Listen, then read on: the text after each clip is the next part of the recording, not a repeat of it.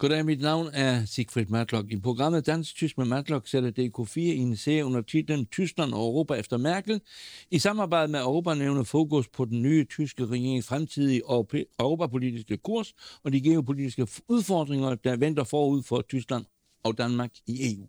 Med kompetente danske og tyske interviewgæster søger vi ikke mindst svar på spørgsmålet om danskerne i 50 år efter vores medlemskab er parate til en ny udfordring om et endnu tættere europæisk samarbejde. Og dette emne har på dramatisk vis siden Ruslands angreb på Ukraine fået et endnu større, ja livsvigtig sikkerhedspolitisk betydning. Forbundskansler Olaf Scholz betegnede i en tale den 24. februar 2022 som et historisk vendepunkt for Tyskland og Europa. Et tysk ordsprog hedder Eulen nach Athen tragen. Den kendes ikke på dansk, men er oversat til, at man skal ikke give bagerbørn vedbrød. Med andre ord er det ikke nødvendigt at gentage alle mine interviewpartners kompetencer og fortjenester. Min gæst er Løkke Friis, som kan betegnes som en af landets mest anerkendte Tysklands eksperter. Født af dansk-tyske forældre taler hun så godt tysk, at hun forleden dag deltog i en tysk tv-debat for millioner af seere, hvor hun forklarede de store forskelle i den danske og tyske coronapolitik. Lykke er Kansken Pol, Ph.D. i statskundskab fra Københavns Universitet og master i europæiske studier fra London. Hun har været prorektor på Københavns Universitet, klima- og energiminister i Venstre-regeringen fra 2009 til 2011, korrespondent for Berlingske i Tyskland og er siden 2019 direktør for den uafhængige tænketank Europa. Men aktive Lykke har også overskud til upolitiske opgaver, blandt andet som præsident for kræftens bekæmpelse og som formand for den komité i DBU, som skal sikre Danmark og Norden et EM i kvindefodbold 2025. Til trods for hendes næsten daglige kommentarer i radio og tv, har hun også skrevet bøger, for eksempel En kuffert ind i Berlin. En titel, som vel dækker over hendes dog aldrig ukritiske, heimliche Liebe, Tyskland. Velkommen til en ny udgave Dansk Tysk med Matlock, med lykke fra hendes kontor i Nygade i det indre København, hvor hun som direktør for Tænketanken Europa og som europæisk værdikæmper sørger for, at europæiske temaer spiller en større rolle i den danske samfundsdebat.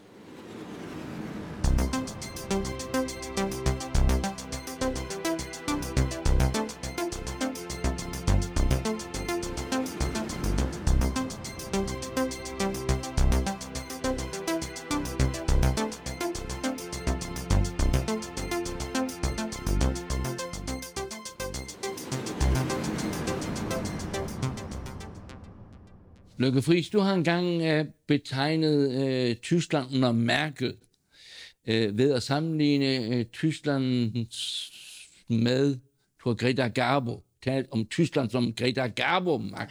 Lad mig i fred. Og nu vil vi pludselig Scholz. Er freden forbi? I hvert fald må man sige, at Tyskland nu er villig til at ty til andre midler også. Jeg tror, det er meget vigtigt at forstå, at selvom Scholz bruger udtrykket Zeitenwende, og jeg også selv sådan set vil mene, at den tale er en virkelig en, en fundamental forandring af tysk politik, så skal vi bare huske på, at Tyskland vil jo altid også have freden øh, med i sine værktøjskasse, for nu at bruge det for tærsket udtryk. Altså ikke en ny militær stormagt? Nej, præcis. Øh, og så for Tyskland har det været vigtigt i denne her øh, krig klart at sende det signal, at man tror ikke længere på, at det er ved hjælp af dialogens vej, alt det her, som man på tysk kalder jo så øh, vandel durch handel, altså man kan forandre et land ved at vikle det ind i samhandel. Vi er simpelthen der, for at citere den tyske udenrigsminister Anna Baerbock, at Putin, russisk præsident, har løjet Tyskland iskoldt op i hovedet, og man kan simpelthen ikke tro på det, han siger. Ergo bliver man nødt til så også nu at sende våben øh, til, til Ukraine, men også i højere grad at kunne beskytte sig selv og påtage sig et større ansvar. Og se, der er der jo en direkte linje tilbage til Angela Merkels ølteltale, øh, som hun jo holdt i 2017, efter, Ja, præcis efter hun jo så mødtes med, med Donald Trump, og hun sagde noget eller du kan sikkert huske citatet bedre, men at tiden, de tider har nu længe været forbi, hvor vi kan overlade vores sikkerhed til andre. Vi skal tage en større del af vores skæbne i vores egne hænder. Så man kan sige, at det vi ser nu med Scholz, er jo selvfølgelig et fundamentalt skifte, men det er altså et skifte, der har været undervejs, men nu kommer det så bare og vel at mærke så også med pengene. Fordi Merkel sagde det jo, men der blev ikke under hende ganske vist så med finansminister Olaf Scholz, så som vicekansler, afsat de her store summer, som vi nu ser, at Olaf Scholz gør. Men når vi øh, kigger på den der dramatiske beslutning, som jo ligger bag øh, den der historiske mm. øh, tale, øh, så henviser du jo med rette, at, at der allerede lå noget i, i, i pipeline øh, via Angela Merkels øh, udtalelser øh, fra den gang, om at Europa skulle tage sin skæbne i, i egen hånd. Men øh, hvilke andre kræfter har gjort, at, at Tyskland pludselig vender øh, 180 grader? Der var jo også mange i den danske offentlighed, der nærmest allerede satte ja, spørgsmål ved, mm. om, om Tyskland nu var ven eller fjende. Ja. Jamen det tror jeg faktisk har spillet en rolle. Det var jo et massivt pres, der kom udefra. Man så jo også til sidst, var Tyskland jo nærmest det eneste land jo i Vesten, øh, der ikke var villig til at levere våben. Og også det her med Nord Stream 2-gasledning spillede jo en meget central rolle. Jeg sad jo også selv selvfølgelig og så Olaf Scholz pressekonference med, med Joseph Biden. Jeg var også i Berlin lige der før og efter.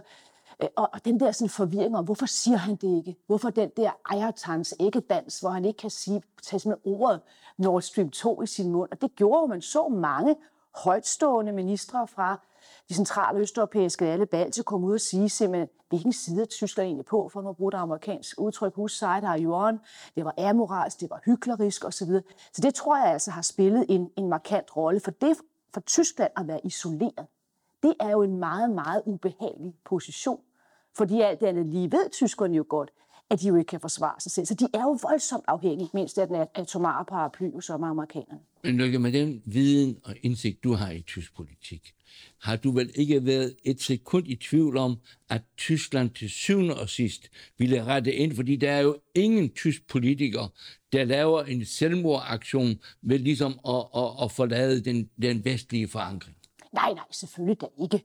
Så derfor var det der også et politisk pres, for eksempel fra den øh, lettiske forsvarsminister Parbits, der var ude at sige det her flere gange.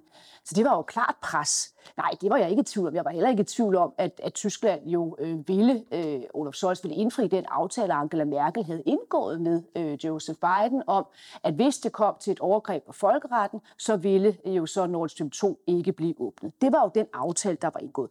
Det vidste man jo, men det, var, men det man jo ikke kunne, kunne slutte sig til, øh, det ville i hvert fald være en voldsom efterrationalisering, det var, at Olaf Scholz så sætter sig op på talerstolen en søndag morgen kl. 11 og siger, nu går Tyskland til de 2% øh, af BNP med hensyn til forsvarsudgifterne. Nu er Tyskland villig til her i år at smække 100 milliarder euro på bordet. Det var der jo ikke nogen, der havde forudset. Og men jeg dog nu har fået, fået forsket mig frem til, at faktisk lå der et forslag der var under, hvad hedder det, under Donald Trump, var jo også Tyskland var under massiv pres, der bad Angela Merkel og Olaf Scholz faktisk deres ministerium om at lave en eller anden form for plan for, hvordan kunne man indfri målet. Så der var en skuffeplan, hvor Olaf Scholz kunne ringe over til Christian Lind og finansministeren. Prøv lige at kigge ned i skuffen, der ligger vist noget dernede, vi kan bruge. Øh, Lukke, du var lige inde på øh, med rette, at, at øh, der er ligesom et træk, et spor tilbage til, til Angela Merkel, trods alt. Mm.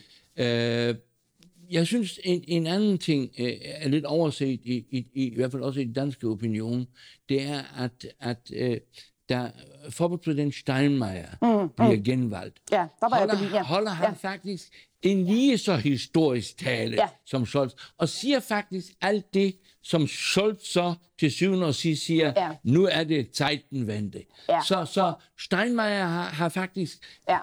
I, i virkeligheden i rettesat regeringen og sagt, nu må ja. I simpelthen ja. tage jer sammen og træffe de rigtige afgørelser. Ja, jeg var i Berlin, da han blev valgt. Ja, øh, ja, og også ja. øh, ikke, ikke, ikke præcis da han blev valgt, men, men i dagene før, og så var på vej hjem, øh, da, han så, da han holdt sin tale og så den også. Ja, det var en meget bemærkelsesværdig tale, især fordi han jo brugte, det var derfor, jeg glædede det der med, med, med lykken om halsen. Rigtig. Han, sagde, han havde det her udtryk simpelthen med, at nu skulle, nu skulle Putin lade være med at lægge lykken om halsen på, på Ukraine. Det, det skulle man stoppe med det var jo ekstremt afgørende, fordi Frank Walter Steinmeier selv jo øh, året før havde udtalt sig meget positivt om øh, gasledningen Nord Stream 2 og havde brugt udtryk som, at, at den var en bro øh, mellem Tyskland, Europa og, Rusland. Øh, og han refererede jo også til, at Tyskland havde et særligt ansvar for denne dialog øh, med Rusland på grund af de 20 millioner øh, russere, der døde under 2. verdenskrig.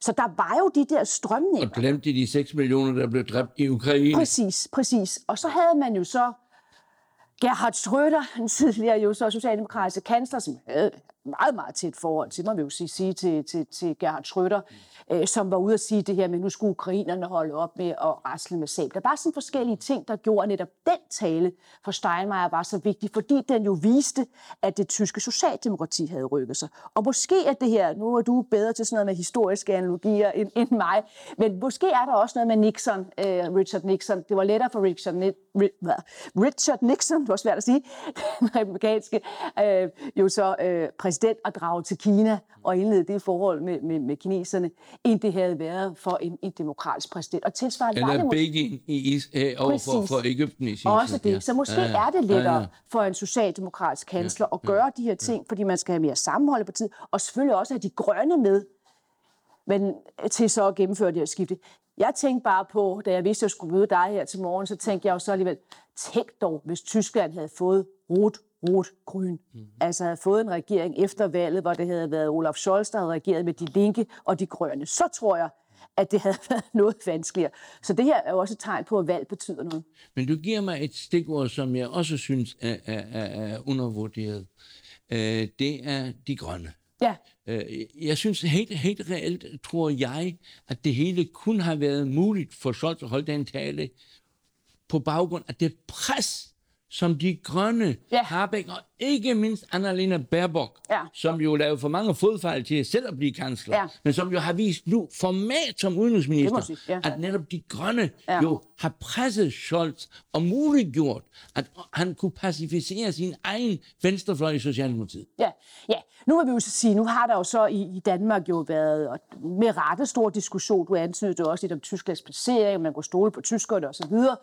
Øhm, øh, også nogen frustration, kan man så sige, visse steder. Øh, men det er alligevel interessant. Hvor mange danske ministre, øh, hvor mange danske toppolitikere drog i sommer til Ukraine? Spørgsmålstegn. Jeg tror, svaret er nul, øh, men vi kan undersøge det efterfølgende. Robert Harbeck valgte jo rent faktisk at flyve til Ukraine. Han var dansktalende. Dansk tale, okay. Så han, vi, vi, vi, vi, tager, vi, tager, vi, tager, vi, tager, Vi tager ham med. vi tager ham med på listen, ja. Men han valgte jo øh, lige ja. før den tyske valgkamp for alvor øh, øh, kom op i tempo, der fløj han jo, prioriterede han at flyve til Ukraine. Det er ret tankevækkende. Og foreslog droner. Præcis. Jamen. Foreslog det, der jo så kom mm. til at ske, nemlig at Tyskland jo så leverer våben. Det var jo voldsomt omdiskuteret. Han kunne kun holde det synspunkt, tror jeg, i tre dage. Der var Annalena Baerbock, som jo ellers har ligget meget rigtigt, også under valgkamp omkring Nord Stream 2 og så videre. Der pressede hun ham altså over på et andet synspunkt. Så det er jo et tegn på, at selvfølgelig har Olaf Scholz spillet en en meget, meget central rolle med tale. Men de grønne, som du med rette siger, det er altså undervurderet, at de jo altså allerede før det for alvor eskalerer, har interne diskussioner, og Harbeck har altså spillet en meget central rolle. Og er man i tvivl om det, så kan man jo kun sige, nu har vi talt meget om Olaf Scholz' store tale, med god ret, Zeitenwende, men hele den debat er jo faktisk værd at følge, der var i forbundsdag. Det var jo den ene fremragende tale efter den anden, hvor Annela Baerbock holder en fremragende tale, Christian Lindner, der er jo så den nye finansminister, men jo også Robert Harbeck. Og der siger de jo nogle ting, der er meget øh, vigvejsende, altså kommer til at vise vejen for, for tysk politik. Retningsgivende. Så, retningsgivende, tak skal du have. Ja, nu begynder det. Det er godt, det er godt, vi kan supplere hinanden med sproget her. Ja, ja. Men han siger jo blandt andet, altså Harbeck siger, at energipolitik er sikkerhedspolitik. Ja, ja. Og Christian Lindner siger, at vedvarende energi er frihedsenergi. Og det er jo virkelig altså noget, der kommer til at sætte retning. Så derfor, selvfølgelig har Olaf Scholz spillet en meget central rolle. Øh, ingen tvivl om det. Det er ikke for at forklare en det, men det er meget vigtigt at forstå også, at de grønne var altså allerede på vej. Og på mange måder var de altså foran ham, når vi ser på de her ting. Øh, øh, Lykke Friis, øh, i 1990, da Tyskland blev genforenet, der lavede Bo Bøjesen Ja, en berømt karikatur med en dræberhund, Ja. der står over for uh, Uffe Ellemann Ja. og, og, og lægger uh, Uffe følgende uh, citat i munden, uh, vi behøver ikke at være bange. Mm. Når nu Tyskland igen uh, uh, begynder at, at blive militær magt, ja. øh, at bruge militært, og også lidt mere øh, øh, aggressivt måske øh, end tidligere, hvor det jo bare helt tiden talte øh, drejede sig om at være defensiv. Mm.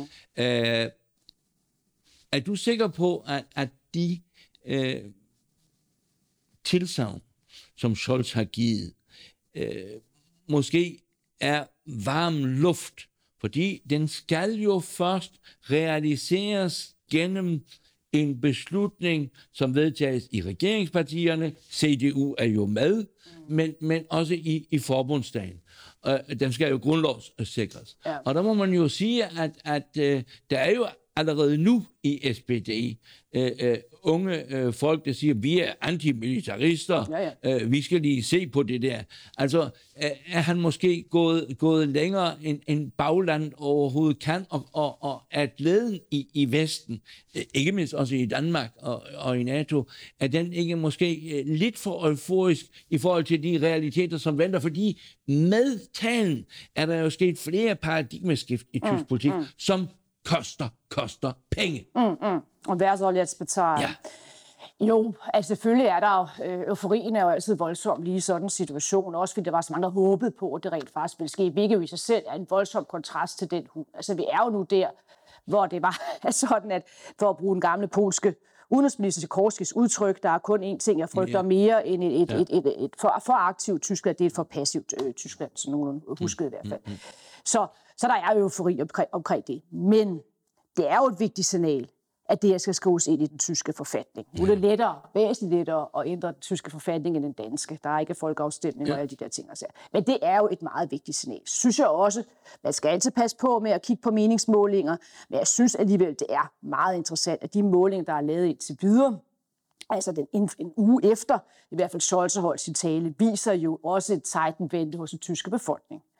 Om det så holder ved, det kan man ikke sige. Men det er vendt 180 grader. Altså fra, at der var 70 procent, der var imod at sende våben, så er der 70 procent, der er for at sende våben. Fra, at der var meget få, der var tilhængere af 2 procent målsætning, så er 2 procent målsætning pludselig blevet noget for Otto for Men, så, sorry, men har vi ikke oplevet i, i Tyskland, for eksempel ved valgene, at, at meningsmålingen svinger utroligt, så derfor er jeg lidt, lidt forsigtig. Jo, jo, jo, jo, men det er også der, jo, jo, jeg kommer også dertil. Jo, jo, altså, at, at, øh, at så kommer jo så også bare hverdagen, for som du også siger, at der er så meget andet, der skal finansieres. Altså energipolitik. Socialpolitik. Ja, det, ja også Digitale. Det. Ja, ja, også det. Hold. Alt, ja, ja, præcis. Ja, ja, og, og så ja. godt nok, at Tyskland er det meget rigt land, men, men mm. der er altså grænser for, hvis man ja. også skal overholde sultenbremser og alle de der ting. Så ja, der kommer mange bump på vejen. Det gør der jo også, fordi det er ret svært at bruge penge. Altså, du kan ikke bare lige bruge 100 milliarder euro på den her måde. En af problemerne med det tyske forsvar har jo været, at de har haft så store problemer med at købe ind. Det kan man jo synes er underligt, men det er jo bare nogle store investeringer, og så har de brugt alle mulige konsulenter til at rådgive. Så det, det er altså også en af årsager til, at det tyske forsvar har det så, så skidt i dag.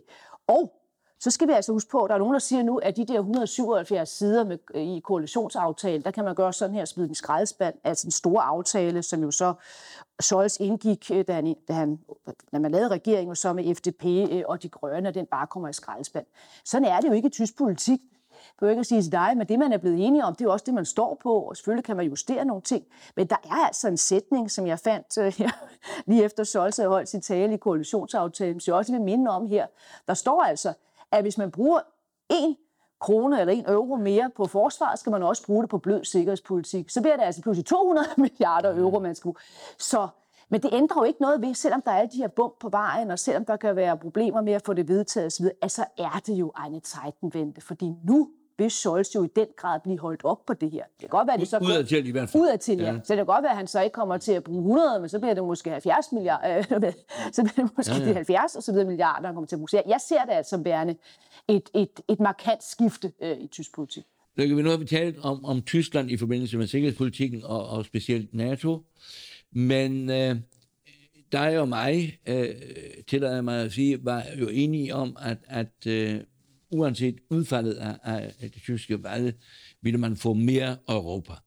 Og, og, og der er ingen tvivl om, at stikord Ukraine, det øh, vil betyde, at, at tempo sættes op. I hvert fald også på et punkt, som hidtil jo har været øh, en akillescene eller et, et svagt punkt i EU-samarbejdet, nemlig øh, forsvarsdimensionen. Øh, øh, øh Hvordan ser du på, på hvad, hvad Scholz der har i, i pipeline?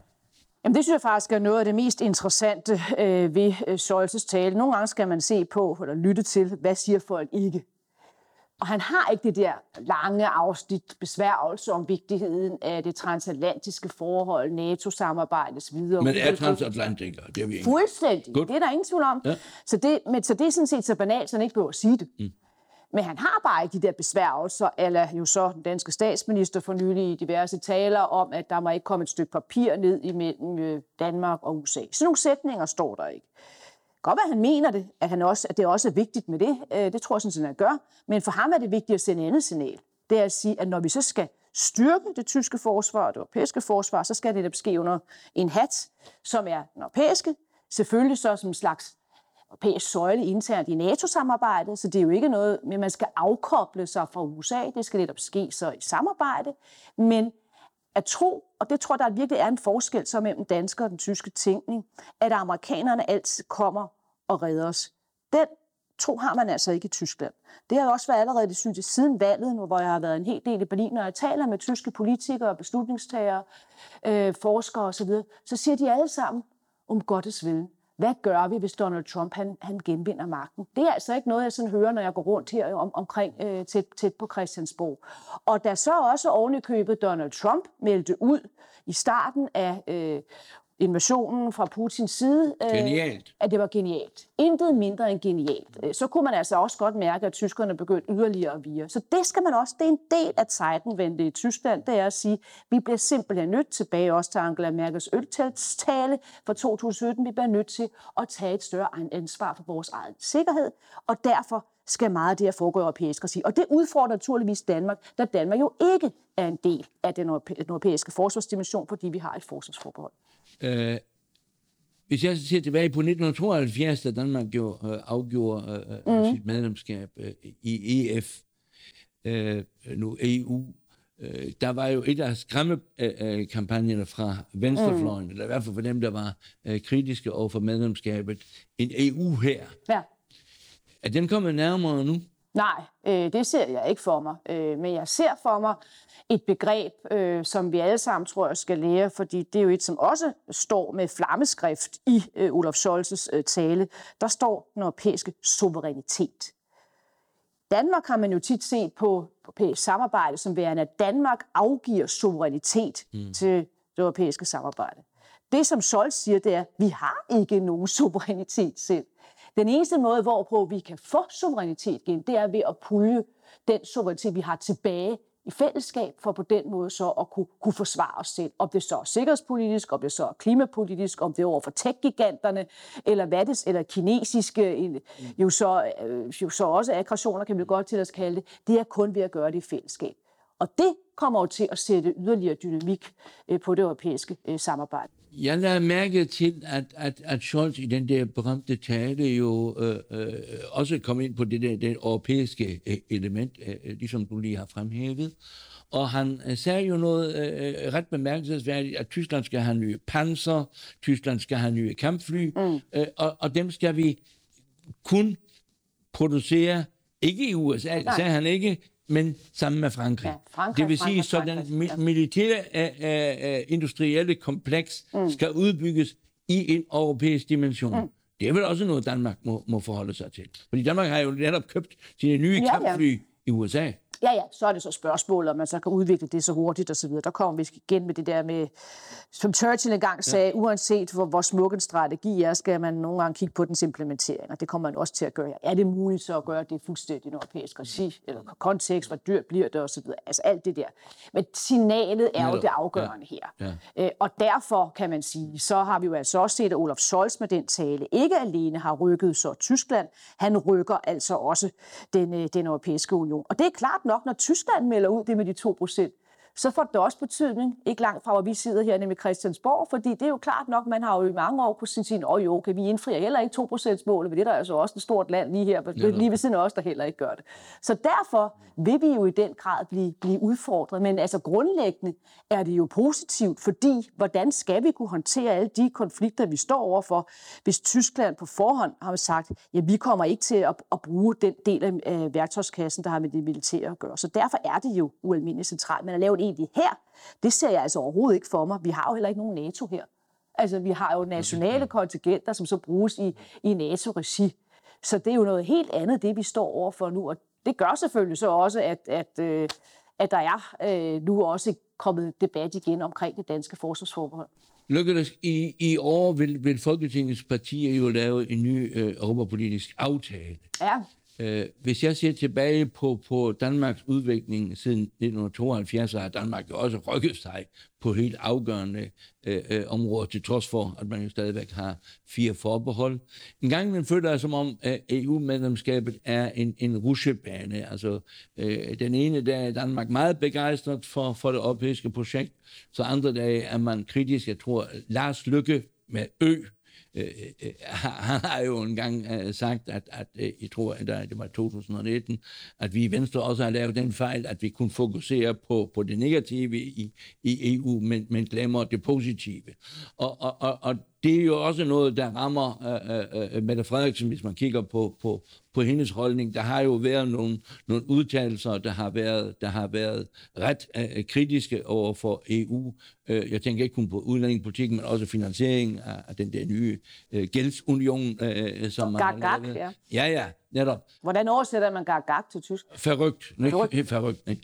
Eller blødt. Men, men, men lad det nu ligge. Men, men gør det, at, at, at, at der er den der uh, rusjebane, at Danmark får svært ved, uh, især hvis der kommer traktatændringer, mm. og, og, og være med uh, i, i det uh, ekspresstog, som åbenbart nu fra tysk og fransk mm. side sættes på skinner? Altså, man skal vel starte med at sige, at øh, når man ser på meningsmålingerne helt overordnet, og nu taler vi ikke om de der målinger, der blev lavet lige efter en, en øh, Putins invasion. Øh, der er jo ikke set målinger i Danmark, men sådan nogle det lange seje træk. Og efter Brexit? Ja, så, så er Danmark jo det land sammen med Polen, øh, der har det største tilslutning til medlemskabet som sådan. Øh, så der er en grundlæggende, en meget stor øh, tilfredshed med medlemskabet så er det altid sådan, at man spørger til noget specifikt, øh, så ser situationen anderledes ud. Altså for eksempel om, for, om forsvarsforbeholdet skulle, skulle ophæves. Der, også min tænktank spurgte om det for nogle, for nogle ja, det var i starten af det her år, så var der et rungende, øh, nej, det, det skulle man ikke røre ved. Altså, det, det, det, det er en undtagelse. Men jeg fornemmer jo nu altså også, at statsministeren er i, i bevægelse. Allerede før alt det her skete, var statsministeren jo blandet også i en stor tale det udenrigspolitiske selskab øh, tilbage ja, i slut oktober, ude at sige, at Danmark er i hjertet af EU. Også Med hjertet? Ja, i, i, i hjertet. Og det, altså, det, nu, det var i hjertet. Øh, og den, det, den uh, udtalelse blev så også gentaget. Ja. Det var vel også i nytårstalen, at, at, at, det, at det blev gentaget. Så kan man sige, så nu kommer så alt det her. Mm. Og, og der vil jeg jo sige, okay, det skulle da være underligt, om Danmark havde forudset fuldstændig alt, hvad der ville ske nu i, som øh, udløber af øh, Ruslands invasion af Ukraine. Så vi i Danmark slet ikke behøver at se på vores europolitik. Det vil da virkelig underligt. Er det kun Tyskland, der skal lave en sejtenvente? Jeg tror også, at vi i Danmark har behov for at se det hele efter i sømmene og sige, ligger vi rigtigt på samtlige punkter? Og der er jeg altså ret sikker på, at man i den Europaaftale bliver nødt til at, at revidere nogle ting. Du har allerede nævnt det med EU's budget. Mm. Det er meget svært at opretholde synspunktet om, at øh, vi skal ikke optage gæld i fællesskab, vi skal have et så lavt budget som overhovedet muligt. Når man nu ser akutte problemer med massiv flygtningestrøm, altså vi kan jo ikke bare sige til polakkerne, at I skal tage dem alle sammen. At det kan vi godt prøve på, men der er jo altså også noget, der hedder europæisk solidaritet. Ja. Det var det første. Det andet er, hvordan kommer vi igennem med den grønne omstilling? Mm. Jeg sidder ikke og siger, at vi skal have ekstra støtte til vindmøller, fordi de er sådan til konkurrencedygtige, men vi skal jo have opbygget og udvidet vores energinet, vupti, vupti. Det koster penge. Hvordan får vi italienerne med, som er i den grad afhængige af jo også at importere deres energi udefra, også fra Rusland osv. Der er nogle voldsomme nye processer, omstillinger, der skal gennemføres, øh, hvor man skal slå turboen til. Kan man gøre det, uden at man på en eller anden måde har noget fælles økonomi? Det tror jeg altså ikke. Så alene der har vi to eksempler. Du har jo engang imellem kritiseret øh, øh, øh den danske regering øh, øh, for, at, at det ville være farligt kun at lægge alle æg i den amerikanske kurve. Hmm. Så, så du ønsker, og du har også sagt, at den danske debat har været for snævert. Mm. Øh, øh, vi bør være med i huset, øh, ikke kun som underbrugere, men, men som aktiv player i, i virkeligheden. Øh, øh, forventer du, at der kommer det der, det der ryg, at, at den europæiske dimension kommer han er næsten på højde med, ja. med, med den der ja. Forkærlighed ja. for USA. Ved du hvad, nu har jeg jo i, i næsten sige, siden 1989 nærmest kun beskæftiget, hvad foregår der i det der mm. europæiske. Jeg synes, at det er ekstremt øh, afgørende, også for, for Danmark. Øh, hvor Danmark i sidste instans vælger at placere sig, det er et politisk spørgsmål. Det tilkommer ikke mig. Jeg er ikke i politik længere, øh, men det er min opgave at være med til at, at anskueliggøre, hvad andre lande gør. For eksempel, hvad er det, Olaf Scholz øh, tænker, som vi nu har prøvet på at anskueliggøre her, eller prøve at forklare, hvad han gør. Men det, der virkelig altså har frustreret mig, det har været, at man fra dansk side har sagt, at det betyder egentlig ikke noget, hvad der foregår i det hus. Og der tror jeg, at vi får en titanvente i Danmark. Når jeg går rundt ned på strået, eller når man øh, øh, snart kommer til en familiemiddag, så sidder alle jo nu kun og diskuterer, hvad foregår der i Ukraine? Hvad skal vi gøre i fællesskab? Øh, hvor den europæiske solidaritet? Skal vi nu have stærkere sanktioner? Der tror jeg altså sker et skift, men det kræver så, det er jo tilbage til dit spørgsmål omkring de 100 milliarder euro og de 2 procent. Det kræver så også, at vi i Danmark opruster. Øh, nu taler jeg ikke om 2 procent, øh, det kan man godt mene. Vi skal altså også opruste, når vi ser på vores øh, vores europæiske kompetencer. Altså, det nytter jo ikke noget, så få kan tysk, så få kan fransk, så få følger med i, hvad der foregår øh, i, i, i de forskellige lande. Altså, der skal vi jo simpelthen også styrke vores, vores udenrigstjeneste. Alle de der ting. Hvordan kan det være, at vi også på mit eget gamle universitet, men universitetsmiljøet i Danmark, vi har jo dårligt nogen, der ved, hvad der foregår i, i Polen, Ukraine, Rusland osv. Der bliver vi jo nødt til nu at, at foretage den Titan-vente, og det tror jeg sådan set bliver ekstremt afgørende. Øh, Lykke, sidste spørgsmål. Øh, hvis vi kigger på, på øh, den regeringserklæring, som lysregeringsregering ja. øh, Ampel har, har lavet i, i Berlin, så står der jo en meget interessant sætning, at man ønsker, at Tyskland og Frankrig, øh, Frankrig har nærmest vetoret øh, i det papir, øh, øh, vil arbejde hen på øh, en federal europæisk forbundsstat. Kan du se øh, Danmark være med i, i den proces? Øh, nej, men jeg, det der ser jeg heller ikke for mig. Øh, det er en af de, de ting, jeg også diskuterede meget med, med, med tyskere. Øh, hvorfor skal det egentlig stå der? Fordi det kommer jo ikke til at ske. Altså, det er jo meget mere pragmatisk, øh, den måde, man, man håndterer ting på. Det er med, at jeg tror, man skal opbygge en anden øh, fa- fantastagtig konstruktion, der skal minde om noget, vi har i forvejen. Det tror jeg simpelthen ikke på. EU vil altid være, som Jacques Delors, den tidligere kommissionsformand, engang sagde, en UPO. Hvad er en UPO? Et uidentificerbart politisk objekt. Det vil være noget, hvor man får bygget til den konstruktion, vi har. Øh, vi, vi får styrket elementer, men jeg ser altså heller ikke for mig pludselig sådan en gigantisk ny traktatændring. Det tror jeg bliver for svært. Så det er Tysklands luftslås? Ja, det vil jeg egentlig Ja, på en måde. Det, det er langt vigtigere, hvad Olaf Scholz sagde i Titan-vendetalen, end, end hvad der står i den der koalitionsaftale øh, på det punkt. Det er mere sådan nogle besværgelser. Men det er jo interessant, at det i Tyskland er så populært eller, eller, eller det er en del af det tyske politiske kultur, at så, så en ding müssen wir haben, så skal man skrive. Men når man så spørger dem, hvad er det egentlig, I mener med det, øh, så får man jo ikke, så får man jo ikke noget klart svar. Så jeg tror det er vigtigt, det vi skal indstille os på. Nu kommer der en helt dy- ny dynamik, når vi ser på forsvarsdimension, når vi også ser på hele asyl- og flygtningepolitikken, når vi ser på det, som Tyskland er villig til at gøre rent finanspolitisk.